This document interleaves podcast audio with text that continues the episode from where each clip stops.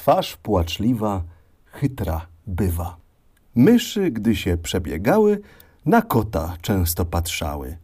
On pokornie w kącie siedział, a jakoby zawsze płakał.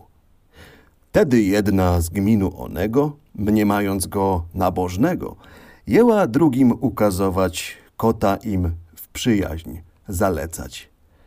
Patrzajcie na męża tego, na śmierną postawę jego, a jako jest sromieźliwy i musi być sprawiedliwy. A przetoż się z nim poznajmy i przy nim zawsze mieszkajmy, albowiem w każdej przygodzie może nam być ku poradzie. A gdy go tak chciały przywitać, on rzucił się, jął je chwytać i do kiela ich udusił i inne bardzo przestraszył. Tedy one, co ujechały, same z sobą rozmawiały. Siostry, już się wystrzegajmy, nie każdemu dowierzajmy. Bywać postawa pokorna, ale pod nią myśl niewierna.